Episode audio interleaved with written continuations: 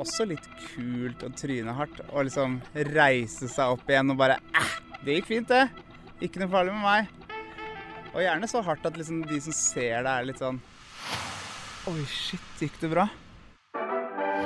Hvorfor blir mennesker fortsatt drept og skadd i trafikken? I en alder av 22 år har jeg innsett at trafikk er ganske sprøtt. Bare tenk over det. Vi går, sykler og kjører om hverandre. Sitter i blikkbokser på fire hjul, suser rundt i umenneskelige hastigheter og kommer oss fram så fort vi overhodet kan. Og det her ses på som helt naturlig.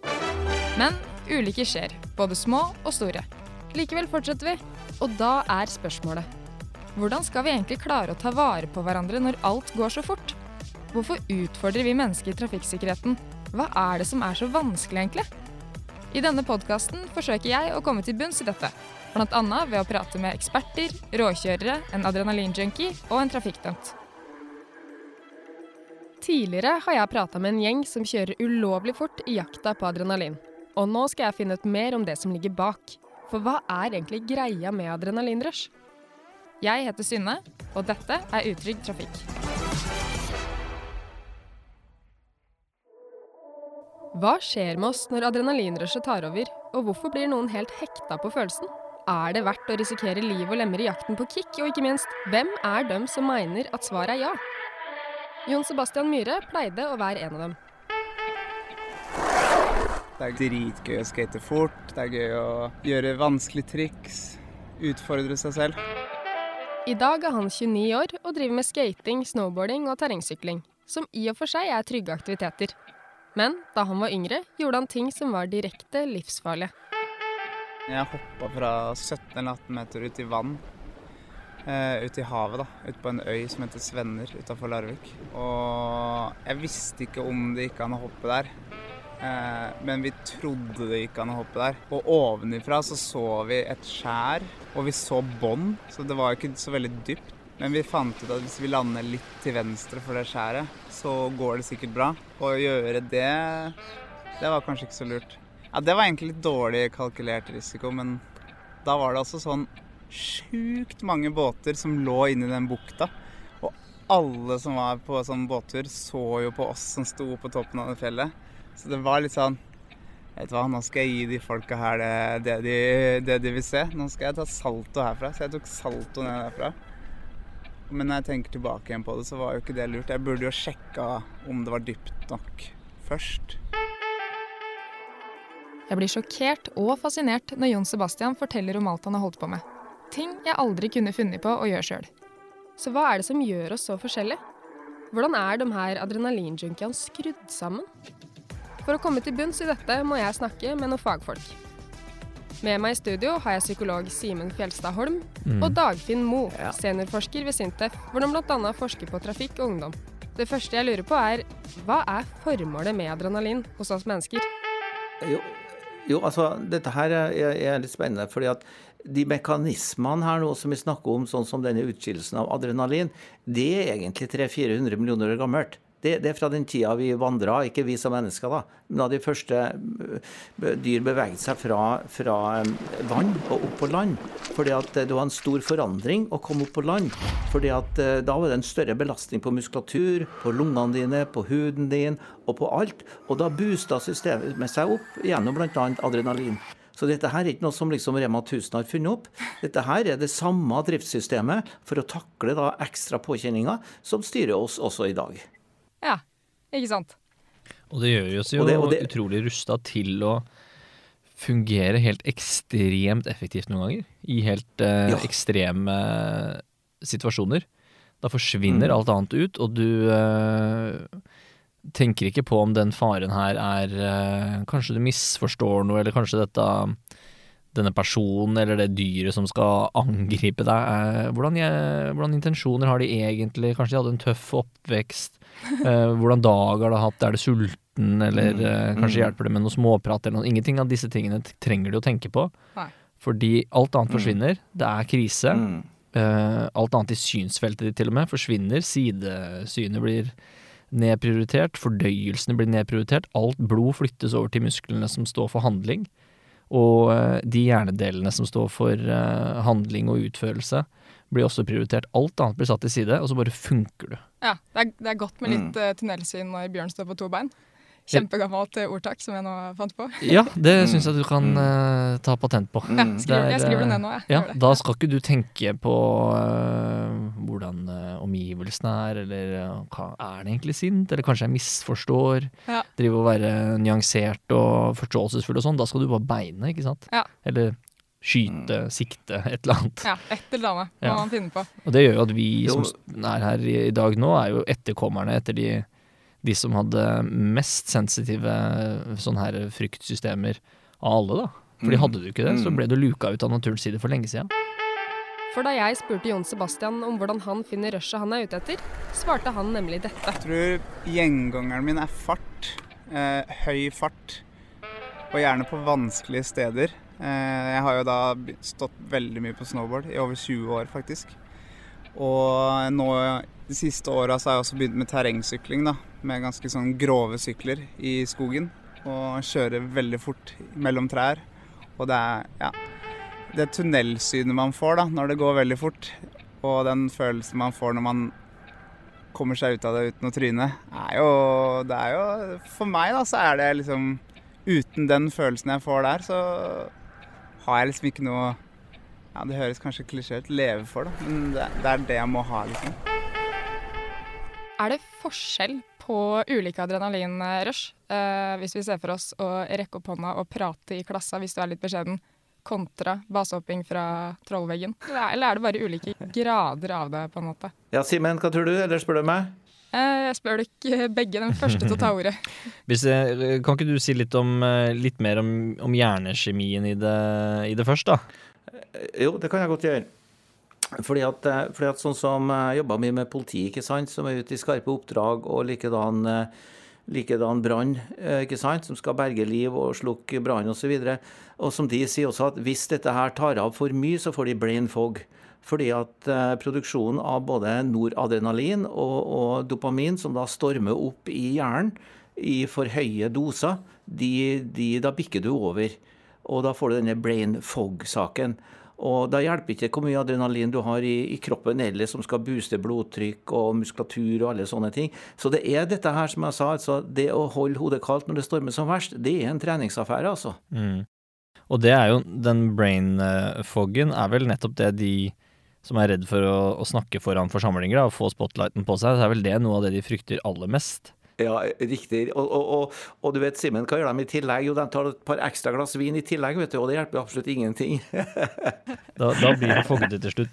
Og, det er vel litt, sånn det motsatte av det eh, disse ekstremsportfolka, eh, sånn som Jon Sebastian og sånt. fordi det derre tunnelsynet ja, Jeg skulle akkurat til å spørre om det. Er det noe annet enn hjernetåka, på en måte? For han prata jo tilsynelatende ganske varmt om det. Sånn, jeg, jeg, vil si det er det motsatte. Ja. Det er det motsatte, ja.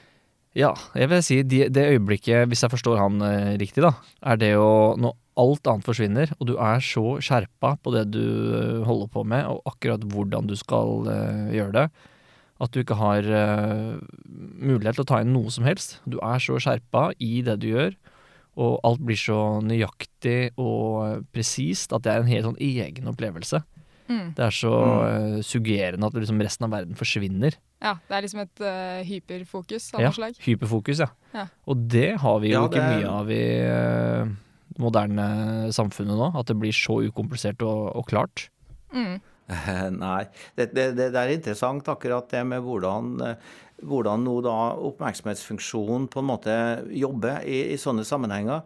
Og, og, særlig sånn som, eh, sånn som han Jon Sebastian er fryktelig artig fyr og veldig reflektert. Eh, og, og, når du får denne fokuseringa, så fungerer hjernen sånn at eh, OK, den suppresser, altså den, den, den, demper da det som er irrelevant eh, sanseinntrykk og informasjon, og så, og så konsentrerer det seg primært om det som akkurat er det viktigste og mest relevante der og da. Ja. Og, så det er en sånn mekanisme altså, som, som, skal være til nytte for oss, eh, og som må passe med det miljøet du er i da. I dag, i en alder av 29, hva er liksom hva er taket nå? Hva er det farligste du kan finne på nå? Vil du ha liksom et spesifikt triks eller noe sånt, eller?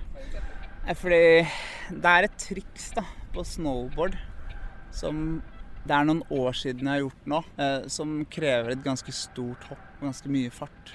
Og ganske nøye kalkulering, da. Det trikset, eh, det er en slags dobbel salto. Det har jeg veldig lyst til å gjøre. Og jeg har tenkt veldig mye på det at når jeg blir 30, så har jeg først lyst til å liksom gjøre det, da. Men nå begynner det å bli noen år siden jeg gjorde det. Men jeg har liksom allerede begynt å tenke at til vinteren, når jeg har fylt 30, så skal jeg gjøre det. Bare for å liksom Jeg er 30 år, men jeg klarer fortsatt det. så jeg, jeg, tror jeg klarer det, men det er, det er veldig skummelt og veldig farlig.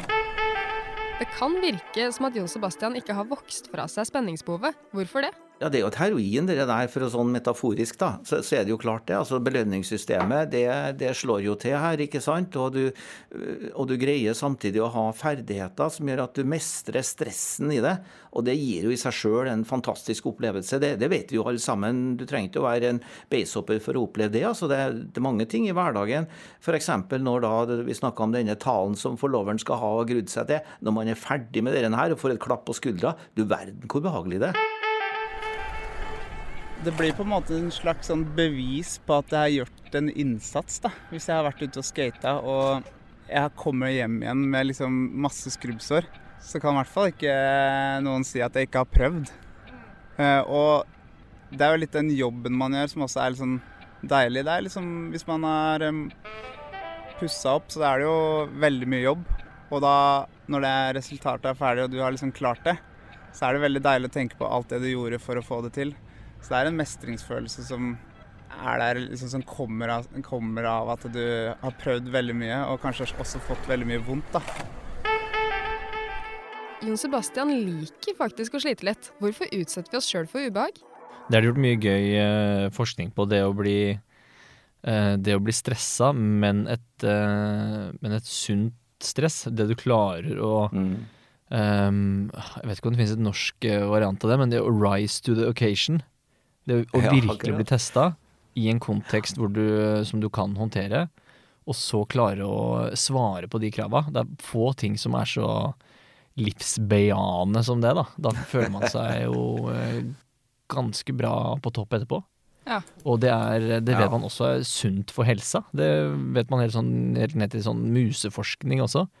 At mm. um, mus som ble Eller rotter, jeg husker ikke helt detaljene, det begynner å bli mange år siden jeg leste det som ble stressa, men ikke kunne gjøre noe med situasjonen sin. De fikk veldig dårlig helse. Og mm. de som ble stressa, men kunne gjøre noe i, i, situasjonen for å få det bedre, de fikk faktisk enda bedre helse enn de som ikke var stressa i det hele mm. tatt. Ja, se der. Det er sunt stress, og mm. det tror jeg er noe av det disse adrenalinjunkies, hvis du bruker et sånt begrep, eh, kjenner på. da. Som eh, mm som veldig digg, og som vi andre også kan uh, forstå i det normale livet. da. Ja. Nå man blir testa inn noe som gjør oss redde, og så får vi det til. Jeg kan ligge i senga og tenke på det før jeg sovner. bare sånn, Hvis den rette dagen kommer og jeg har godfølelsen, så skal jeg gjøre det, liksom. Uh, og det er noe som sier meg nå allerede at det kommer til å skje. Jeg vet på en måte at jeg kommer til å gjøre det.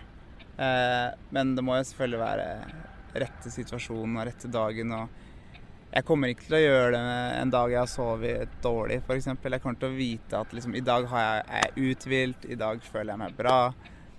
I dag er kanskje en dag jeg kan gjøre det på. Eh, så det, ja, det er veldig sånn lang tankeprosess, da. Men sånn er det veldig mange av tingene jeg driver med nå. Når jeg har blitt eldre, så tenker man på det mye lenger. Det, det høres liksom så, det høres så digg ut å ha det derre noe sånn noe sjukt noe man skal gjøre som man går rundt og gleder seg til å fundere på. At det virker som at det gir liksom et ekstra lag til uh, livet, nesten. Det høres veldig sånn grand ut, men uh, ja. Fordi at du har på en måte Hvordan skal man forklare det? Det er som at man har en Jeg vet ikke hvordan jeg skal forklare det for folk skal skjønne det, altså. Men det er liksom å kanskje folk som har kjøpt en vin da, som, som er sånn skikkelig gammel eller noe. Og den er skikkelig dyr, den vinen. Og du vet at du har den i kjelleren, og du vet at du skal ta den fram. Men du vet ikke helt når. Men du vet at når du skal gjøre det, så blir det skikkelig bra. Da blir det koselig, liksom. Da blir det god stemning.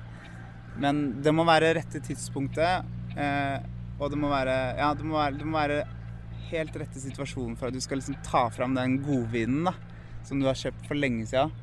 Og det er litt sånn med det tinga jeg tenker på nå, er liksom sånn Ja, jeg kommer til å gjøre det. Det blir dritbra. Jeg vet det kommer til å bli bra. Men jeg vet ikke helt når det blir. Men en, det er en god følelse å tenke på at det kan komme til å skje snart. Det er rart. Du er en ordsmed, Jon Sebastian, for en fantastisk metafor. Med den gamle vinen som skal eldes mer. Du vet at den skal ligge litt til vet du, til den er liksom i, i, sitt prime. Du vet at når du tar den fram, så blir det så sjukt bra. liksom. Det blir så god stemning, og folk kommer til å bli sånn Hæ, har du den enda? Er, har du tatt vare på den, liksom? Så det er liksom Jeg føler det er litt sånn, da. Ja, Det er jo tydelig at Jon Sebastian gleder seg til neste stunt. Hva er det som skjer oppi huet hans når han planlegger det? Jeg kan, kan, si litt kort om det også. Det er litt forskjellige innfallsvinkler til å forstå det. Men eh, hvis du Nå nevnte Simen i sted et, et rotteforsøk. Jeg kan nevne et annet et som jeg pleier ofte å bruke i foredrag. Eh, det tar ca. to minutter å, vise det. Det går ut på følgende. Du setter to rotter midt utpå en liten eh, plattform. Og de elsker ikke å stå der, for de hater å stå i åpne rom, ikke sant? for det er det farligste de kan gjøre i prinsippet. Men de blir stående helt i ro. Helt i ro. De gjør absolutt ingenting. Og så får den ene en dose med det som heter L-dopa. Dvs. Si da øker du produksjonen av dopamin i, i hjernen på dem. Etter en 10-15 minutter så begynner den ene å bevege seg rundt omkring. For det man gjorde i det forsøket, er at du hemma produksjonen av dopamin som styrer nysgjerrigheten, initiativet ditt, vågelysten din. Fordi at Ofte så tror man dopamin er belønningsstoffet, men det er det stoffet som driver deg til den belønnende aktiviteten. Så f.eks. når, når Jon Sebastian eh, la oss si vet at om to timer så skal jeg på skateboarden og ha det skikkelig heftig, så vil du se hvordan dopaminet øker noe enormt i hjernen hans. Det er det som er forventningen til det du gleder deg til, egentlig. Og her er vi nok forskjellige. Her er vi forskjellige med, med, med, hvor aktivt det er. Det vet vi også fra ADHD. At det er forskjellige frigjøringer av mengden av, av dopamin, bl.a. Og dopamin skal det bli. Nå skal Jon Sebastian skate ned en sånn en, en lang eh, bakke. Eh, bratt for skating, i hvert fall, for å si det mildt. Eh, og jeg skal se på. Nå står han på toppen av bakken og springer og tar fart. Og sparker i vei. Å, herregud, altså.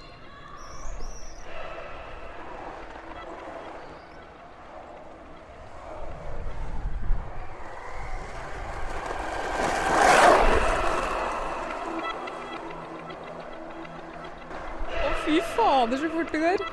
Fy søren! Han har arma i været, og det blæs i klæra. Han ser uh uberørt ut, er det han gjør. Han smiler. Hva føler du nå? Jeg følte at uh, nå var jeg i mitt ess. Det var veldig gøy. Jeg følte liksom at jeg fikk den der tunnelsynfølelsen. Uh, og så var det veldig gøy å kjøre forbi deg, veldig nærme. For det var litt mer risikabelt enn hvis jeg hadde kjørt midt ute i veien. Ja, fy søren. Ja, det var gøy. Eh, men jeg kunne gått litt fortere, da. Jeg syns i hvert fall at det gikk mer enn fort nok. Samtidig er det ingenting i forhold til hva han holdt på med før. Mine drøyeste år var opp til 25. Og etter det så har det gått uh, stødig nedover med nivå og risikotagning, da. Det er mye sjeldnere at jeg utsetter meg selv for uh, høy risiko. Før så var det i hvert fall én gang i uka, oppimot flere ganger i uka hvor jeg gjorde ting som var skikkelig, skikkelig farlig. Mens nå er det kanskje et par ganger i året hvor det liksom virkelig trår til, da. Men kjenner du mer på den derre fysiske redselen nå? Altså Blir du mer nervøs og liksom sånn skjelven i kroppen enn det blei før? Kanskje kroppen reagerer kanskje på samme måte. Liksom at det er det kiler litt, og det er litt skummelt, og du får den der øh, den ekle, litt ekle følelsen. Men det jeg merker mest forskjellen på nå og da jeg var yngre, er at tankene mine kverner mye mer over det jeg skal til å gjøre, da. At når jeg står der foran den bratte bakken på skateboard, så tenker jeg på hundene mine. Jeg tenker på at jeg skal jo på jobb i morgen. Jeg tenker på sånne ting. Før så tenkte jeg ikke på det. Eh, så jeg tror på en måte det er tankene i hodet som er den største forskjellen. ikke hvordan kroppen reagerer mot det den ser eller det den føler. Det er mer at jeg prosesserer ting på en helt annen måte. da.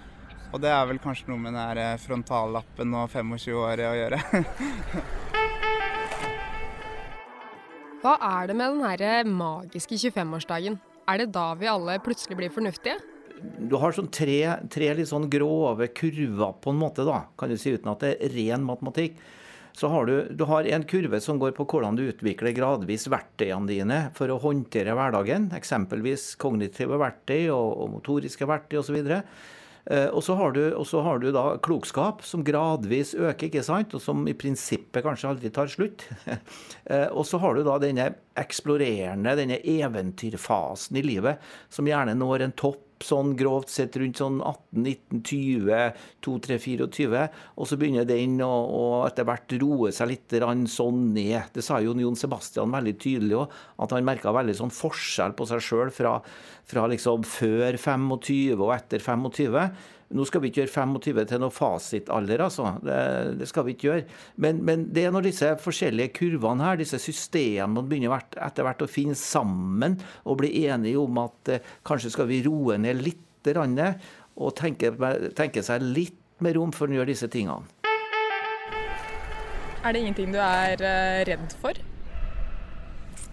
Jo, jeg er jo redd for ting, liksom. Jeg hadde jo ikke blitt så veldig høy i hatten hvis jeg ble angrepet av en bjørn, eller noen sikta på meg med en pistol, liksom. Da blir man jo selvfølgelig redd. Så det er jo kanskje mer vanlig dødsangst, som egentlig kanskje nesten alle har. Man er ikke hypp på å dø på noen annen måte enn den naturlige måten, da. Så jeg er kanskje litt redd for å dø på en sånn kjip måte, da. Sånn bli spist av en bjørn eller drukne eller noe sånt. Det er jo ikke noe sånn Men er du redd for å er du redd for å dø i forbindelse med noen av tingene som du holder på med? Terrengsykling eller snowboarding eller skating ned bakke, sånne ting? Det tenker jeg aldri på. Og jeg føler jo at jeg har såpass god kontroll på det jeg driver med, og at jeg kan ta avgjørelser som gjør at jeg aldri kommer til å komme i den situasjonen, da. Men man kan jo ha uflaks, da. Man kan jo feile på en eller annen måte man aldri hadde sett for seg at man kom til å gjøre å skade seg skikkelig eller dø. Da. Det kan jo skje. Så det er ikke det at du mangler dødsangst, men mer at du føler at du har såpass kontroll og har planlagt tingene du gjør, godt nok til at uh, det ikke er relevant i den situasjonen? Ja, rett og slett. Det er jo Man blir jo Gjør man noe mye, så blir man jo god på det. Det er jo folk som kjører rally. Det er jo folk som kjører utfor. Sånn Svindal og de, de kjører jo sykt fort, liksom. Men de er jo ikke redde, tror jeg. De er jo ganske bare, de er jo bare konsentrerte, for de veit hva de driver med. Og det er liksom eh, ekstremsport, eh, adrenalinting òg. Man, man, har gjort det mye, da. Så det er liksom Man vet hva man driver med. Han blir ikke redd når han skal utføre planlagte stunt. Men er det ikke farlig å stue bort redsel? Nei, altså det er interessant det som Jon Sebastian sa om en bjørn osv. Jeg, jeg tror at eh, hvis han står overfor en sånn fare, da, eksempelvis denne bjørn, så har han tross alt utvikla en hjerne som er såpass fleksibel. Jeg tipper han kommer til å finne ganske gode løsninger likevel, og forhåpentligvis eh, overlevd. Vi gjorde en sånn studie med, med 34 ungdommer. Øh, hvor, hvor, vi gjennom siling, da, psykologiske tester, så hadde halvparten av dem var liksom de som var mer sånne avoidere. De var liksom ikke de som var først, først ut for å gjøre stunt. Og så hadde du de andre som var mer approachere. Og når vi så på hjernen, hvordan den hadde forma seg fra starten av på livet og fram til jeg nå var 19-20-21 år, så så vi strukturelle forskjeller som indikerte at de hadde et bedre fleksibelt nevralt nettverk som var bedre bygd ut i visse områder, som indikerer altså at eh, for å si det enkelt, hvis du skal ha med noen på telttur, og du må regne med at det kan bli litt spennende her, eller du skal ut i krigen, så tar du med deg sånne. De er ikke nødvendigvis så flinke i geografi og matematikk og historie, men, men de er flinke til å håndtere, håndtere kan du si, og improvisere uh, den fysiske hverdagen. Mm. Og, og, det å være i frykten, men å likevel klare å, um, klare å tenke klart, tåle å være redd uten å ha så mange mm. negative assosiasjoner eller bare ikke erfaring med å være i den delen av, av følelseslivet. Så dem som tåler å være redd, for eksempel gutta som kjører i 200 km i timen på veien, dem har en mer velutvikla hjerne? Er det sånn? Er det, sånn? Ja, det, det, kan fort tolkes. kan du ikke heller si hun, eh, hun i tiende klasse som er livredd for å holde presentasjon, men som blir eh, tvunget til det annenhver uke fordi det er sånn læreplanen er utvikla av en eller annen grunn akkurat nå. Som likevel, eh, fordi det er så viktig å komme seg gjennom, gjennom skoleåret, reiser seg opp og står i akutt angst annenhver uke og rødmer og, strever ikke for å sove dagen før og kaster seg opp og alt dette her, men likevel uh, gjør det. Ja, hun får en, uh, en bedre utvikla hjerne. Hun, hun, tåler en større del av uh, følelseslivet sitt og vil være bedre rusta til, til, å tåle angst uh, seinere. Mm. Ja, mm. riktig. Og du er jo godt over snittet glad i adrenalin og, og sprell og moro, eller hva man skal kalle det. Eh, hva tenker du om folk som ikke kan relatere, liksom, til det du sier? Skjønner du det, eller er det uforståelig for deg? Jeg skjønner det. Eh, men det hører, nå høres jeg nesten litt slem ut, men jeg syns nesten litt synd på dem. For hvis jeg kunne velge hvordan folk har det, så ville jeg jo at folk skal kunne oppleve den følelsen man får av å gjøre noe skummelt og vanskelig. Og det er jo det er veldig gøy å F.eks. når man ser på TV når det er sånn Robin Nei, ikke Robinson, men sånn Farmen-konkurranser hvor de må liksom gjøre noe som er litt sånn litt skummelt, eller hoppe fra et sted til et annet, eller løfte noe tungt, og folk er, blir redde for det. Så, så, sitter jeg og ler, for jeg tenker sånn er det virkelig, Syns du virkelig dette er liksom utfordrende? Eller 71 grader nord, da, når de klatrer med liksom masse sikkerhet rundt seg, liksom. De har TV-team og masse sikkerhet, og allikevel så blir de redde, liksom. Da sitter jeg og humrer godt, da, fordi da tenker jeg sånn Har du aldri gjort noe skummelt i livet ditt, så at du syns det er skummelt liksom, å klatre i et fjell med masse folk som passer på, det, det syns jeg er skikkelig rart. da. Og da ler jeg liksom når jeg ser Da føler jeg på en måte de er litt nybegynnere i det å utfordre seg selv. da.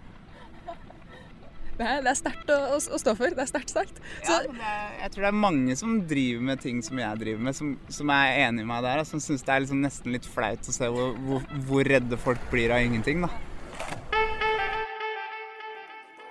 Det kan altså være mange fordeler ved å utfordre seg sjøl. Betyr det at adrenalinjunkier har det bedre enn andre? Jeg tror, jeg tror, ikke man skal si det sånn. Du, du kan ha et lykkelig liv uten å, å, å både hoppe i fallskjerm og, og kjøre utfor i kidsbil. Så det, ikke, det, vil jeg nok ikke si som sådan. Men at han likevel, som syns det er litt komisk sett fra sitt perspektiv, og det, det, det skjønner jeg jo godt. Men, men Eh, jeg, hvert fall, jeg tror ikke sier, men jeg tror alle vi kan ha det skikkelig bra, selv om vi ikke eh, hopper i, i fallskjerm. Mm. Og, og, det er jo ikke nødvendigvis eh, sånn at han får noe større kick av de mer, mye mer ekstreme tingene han gjør, enn disse kjendisene han så på 71 grader nord, f.eks. Kan hende de egentlig opplever ganske mye av det samme psykologisk sett. da både med den uh, dopaminoppladingen i, i forkant og, uh, og, mestringen etterpå.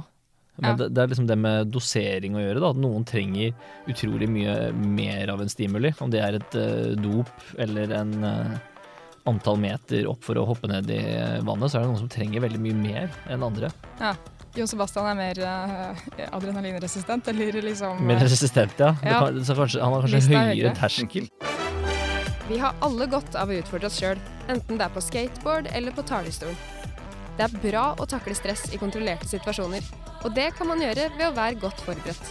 Akkurat som Jon Sebastian. Men adrenalinrush kan også føre til impulsive valg og dårlige vurderinger. Ting som kan være direkte livsfarlige. Og disse skyggesidene skal jeg se nærmere på i neste episode.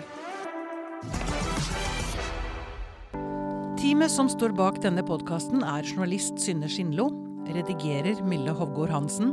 Grafisk designer Alexander Solbakken. Produsent Pia Pedersen. Og ansvarlig hos kunde Magnus Jorheim. Denne podkasten er produsert av Tid og List for Trygg Trafikk.